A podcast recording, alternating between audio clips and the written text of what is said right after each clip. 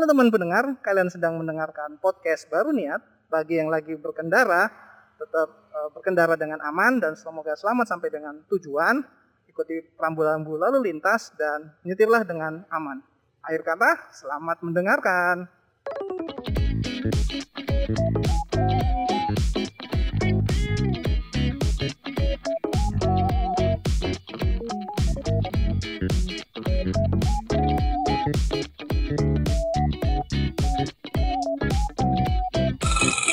Hari ini nggak hujan ya sayangnya ya. Padahal kemarin dua hari itu udah hujan. Udah seneng. Pontianak bakalan bebas dari kabut asap. Hari ini tapi udah baik lagi nggak hujan. Ya semoga nanti malam atau besok sudah hujan lagi lah. Biar kabut asap nggak muncul kembali nggak enak. Asap bau. Halo semuanya, kembali lagi dalam podcast baru niat. Karena segala sesuatu dimulai dari niat.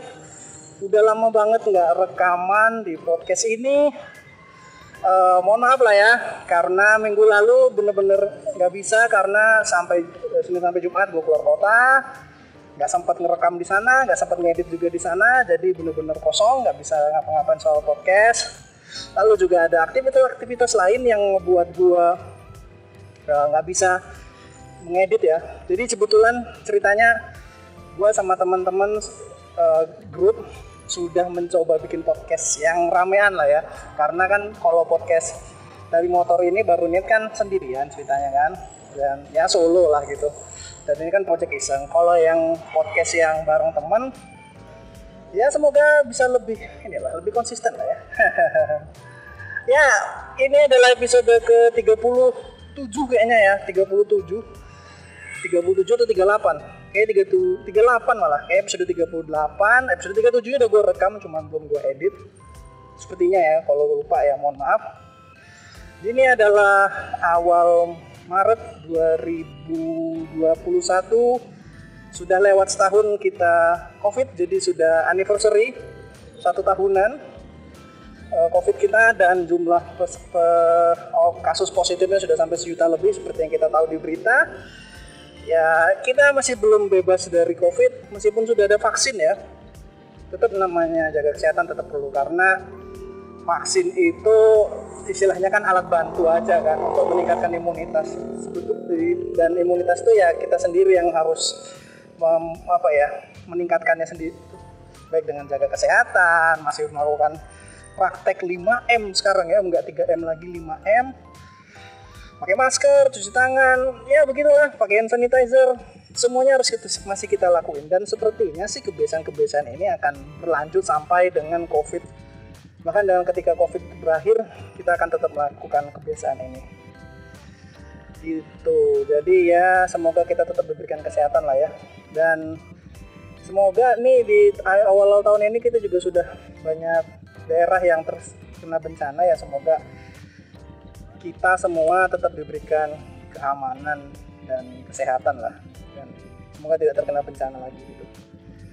Oke, lanjut aja ke tema utama dari game ini, eh dari episode ini. Kita akan ngomongin soal game.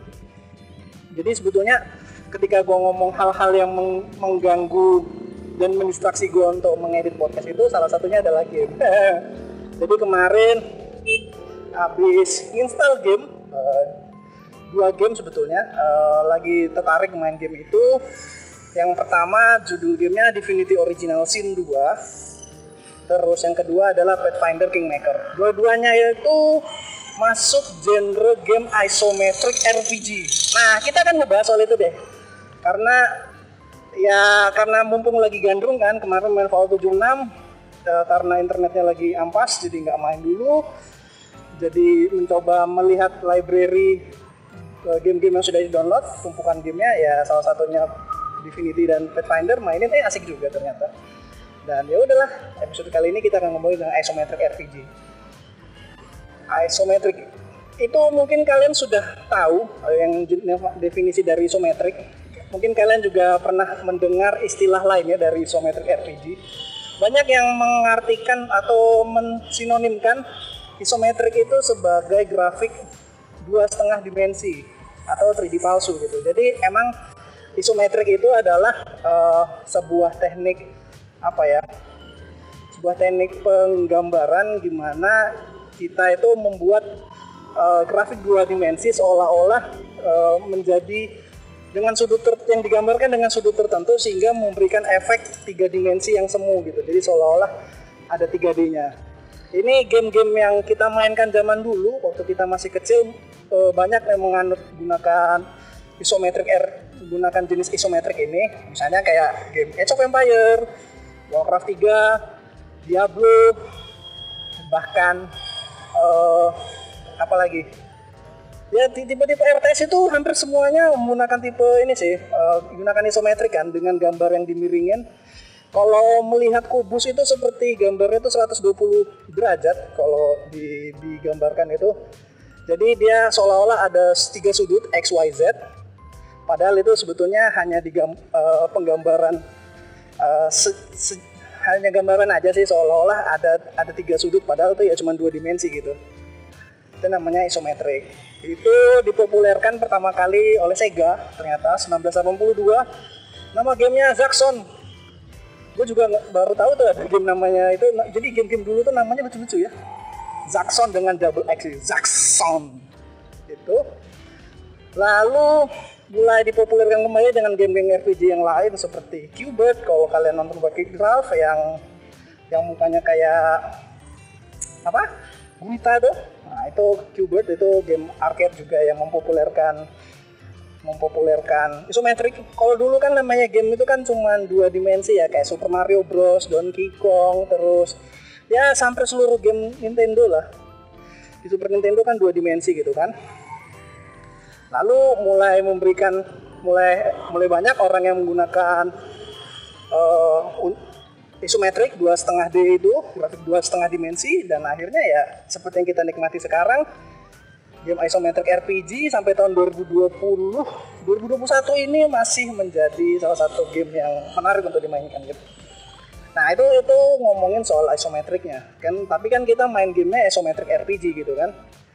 Artinya ya sebetulnya sederhananya isometrik RPG RPG yang menggunakan grafik isometrik gitu kan? Simpel aja. Cuman isometric RPG ini lebih ke apa ya genre game-game yang menggunakan uh, basis RPG tapi juga masih memiliki ciri khas uh, eh, D&D. Jadi kan uh, itu adalah permainan tabletop role playing game juga RPG, RPG yang dimainkan dengan kertas dan pena gitu kan. Jadi ada ada pemain kita mau memainkan satu karakter, nanti karakter gitu kita kita buat sendiri, kita sesuaikan dengan kita sesuaikan dengan ke keinginan kita, selera kita buat karakter gitu. Nanti ya ada skenario nya yang harus kita mainkan gitu. Dan biasanya kalau untuk di sendiri ada namanya elemen dadu. Jadi semua semua gerakannya, semua aktivitasnya menggunakan dadu gitu. Nah, isometric RPG biasanya masih pakai model seperti itu. Kalau ngomongin isometric RPG pertama itu dipopulerkan oleh BioWare sama Black Black Isle itu dua studio yang tahun 9798 membuat game yang ya istilahnya mempopulerkan isometric RPG lah ya. Black Isle adalah foundernya Fallout jadi sebelum dibeli sama Bethesda eh, lisensinya dibuat oleh Black Isle, Fallout 1, Fallout 2, Fallout 1 dibuat tahun 97, Fallout 2 98, lalu BioWare membuat Baldur's Gate pada tahun 98. Dua game itu yang kembali mempopulerkan uh, mempopulerkan RPG isometrik di mana kalau Fallout settingannya adalah post apokalips sementara kalau Black Isle ya settingannya adalah magical world alias uh, tradisional tradisional worldnya D&D lah ya ada kelas uh, kenaik ada magician sementara kalau di kalau Fallout ya itu seperti yang kita tahu lah main Fallout itu ada tipe sniper, tipe tanker atau melee build seperti itu. Dua itu yang cerita. Cerita kalau secara garis besar sih gameplaynya sama kan kalau kita ngeliat uh, di YouTube atau memang sudah pernah kita mainkan kan Fallout itu ya turn based juga kan RPG itu lebih kental dengan turn base-nya meskipun di saat saat saat ini sudah makin banyak RPG yang meninggalkan turn based langsung real time seperti kayak Warcraft itu sebetulnya uh, real time strategy kan namanya genre RTS, lalu ada action RPG seperti Legend of Zelda atau YS kalau kalian pernah main YS ya. Itu juga action RPG sudah menggunakan tidak menggunakan turn based. Nah, kalau yang isometric RPG yang gue mainkan dua dua game ini Divinity dan Pathfinder masih mempertahankan turn based-nya. Dan untuk orang-orang yang apa ya seperti gua yang refleksnya nggak terlalu dilatih dengan dengan cepat gitu. Jadi nggak terbiasa main game-game dengan dengan pace yang cepat ya game-game turn based itu masih menarik untuk dimainkan gitu. Ya itu uh, ceritanya latar belakangnya dulu. Lalu kita akan ngomongin soal apa sih menariknya game isometric RPG kayaknya kalau dibandingkan dengan game-game lain akan sangat uh, jomplang lah ya. Akan sangat jomplang dengan game yang lain. Seperti misalnya ya game Call of Duty, PUBG atau game-game real time strategi. Bahkan real time strategi sendiri sudah sudah mulai ditinggalkan kan e, karena sudah banyak tuh orang tuh lebih suka yang action gitu kan seperti first person shooting, Battlefield, Call of Duty dan PUBG yang tadi itu gue bilang atau Dota atau Mobile Legend game-game seperti itu Genshin Impact nah gitu-gitu kan itu kan sudah nggak ada lagi yang bermain dengan real time strategi. Maksudnya nggak main dengan turn based lagi gitu. Sementara genre isometric RPG justru malah mengembrace turn based-nya itu dan apa ya membuat gameplaynya berdasarkan uh, taktikal turn based itu dan masih sampai tahu sampai sekarang masih masih bisa dinikmati kok oleh banyak orang mungkin pertama gue list dulu lah ya uh, positif dan negatifnya dari game-game isometric RPG. Yang pertama, gamenya uh, kayak grafiknya tidak terlalu sebetulnya kalau ngomongin grafik sih negatif sih ya. Sebetulnya karena game-game isometric RPG itu kelemahannya adalah dia selalu melut melut terlebih dahulu peta secara keseluruhan gitu kan. Jadi petanya di load dulu seluruhnya semua aset e, grafik yang ada di atas peta tersebut di load lalu nanti baru bisa dimainkan gitu. Ya itu kekurangannya RPG eh, isometric RPG gitu kan. Kan sementara kita memang kameranya dikunci untuk mengikuti karakter kita tapi padahal kenyataannya semua aset grafik itu sudah sebetulnya sudah di load duluan sama gamenya gitu. Makanya nggak nggak ada proses rendering selanjutnya gitu karena dari awal sudah di load gitu kan. Kelebihannya pertama karena gameplaynya yang masih terbilang sederhana uh, karak nggak terlalu mikirin grafik kan maksudnya nggak terlalu mikirin grafik harus harus detail atau bagaimana. Studio tuh bisa fokus ke dalam writingnya gitu. Biasanya cerita-cerita game-game uh, uh, isometric RPG itu masih menarik untuk dimainkan karena emang yang menjadi candu dari isometric itu adalah ininya adalah skenario nya jadi gak simple kayak game-game biasa gitu kan. Kayak game-game action RPG cuma tembak sini kalahkan dia kalahkan itu. Jadi ada ada cerita yang masih menarik untuk dimainkan dan untuk diikuti gitu bahkan dibaca. Jadi membuat kita uh, menyenangkan lah untuk mainnya itu. Lalu kelebihan isometric RPG itu terutama yang turn ya bisa ditinggal itu.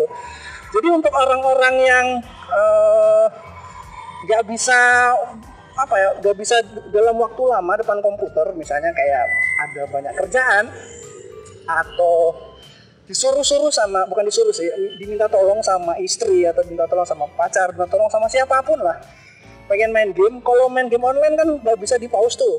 Nah kalau isometric RPG bisa gitu. Turn based kan? Ditinggal tinggal aja gitu tinggal alt tab keluar dari game udah. Selama turn belum berakhir ya sudah. Nggak bakalan lanjut itu gamenya.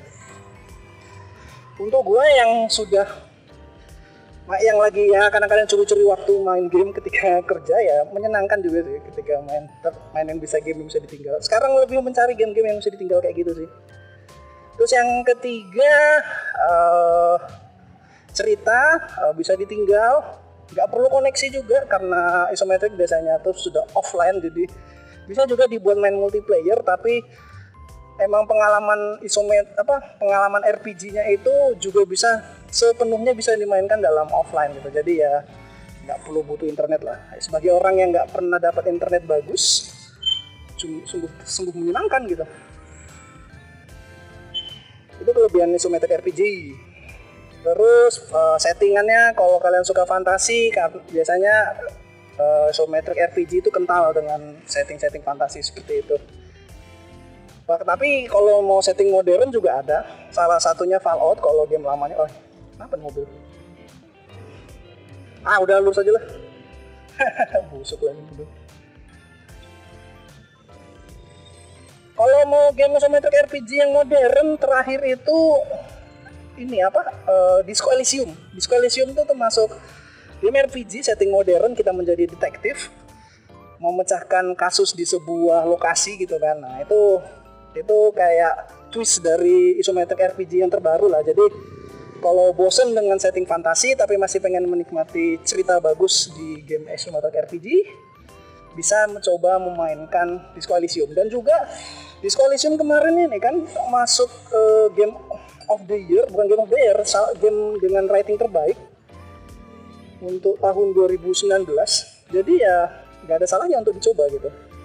Ya kalau kalian tunggu Steam sale lah kalau misalnya memang tidak mau mengeluarkan uang lebih untuk full premium pembayarannya. Tapi gue sih menyarankan untuk sesekali untuk mencoba game itu. Game-game isometric RPG itu memiliki charmnya tersendiri untuk orang-orang yang nggak suka fast pace uh, bisa ditinggal-tinggal. Wah itu asik lah isometric RPG nah kita masuk ke dalam dua game yang gue mainin sekarang nih. Divinity Original Sin 2 gue suka kebalik-balik sama Divinity 2 baru tahu gue Divinity 2 itu game yang berbeda dengan Divinity Original Sin 2 soalnya biasanya kalau Google itu gue bisa nulis Divinity 2 karakter ini. Padahal itu Divinity Original Sin 2 Saat, uh, itu game kedua dari seri Divinity Original Sin tapi tidak perlu apa ya nggak perlu tahu soal Divinity saat Divinity Original Sin yang pertama malah. Jadi bisa dinikmati secara langsung dan asik. Gue main RPG kayak gini itu karakternya bener-bener bisa kita buat se sesuai dengan keinginan kita gitu jadi tidak ada gameplay yang sama setiap kali kita main. Pasti gonta-ganti. Ya sama seperti main game Skyrim lah. Kan Skyrim itu kan nggak mungkin lo ngebuat karakter yang sama dimainkan berulang-ulang. Pasti setiap kali main baru karakter baru. Ya itulah kelebihannya RPG kan.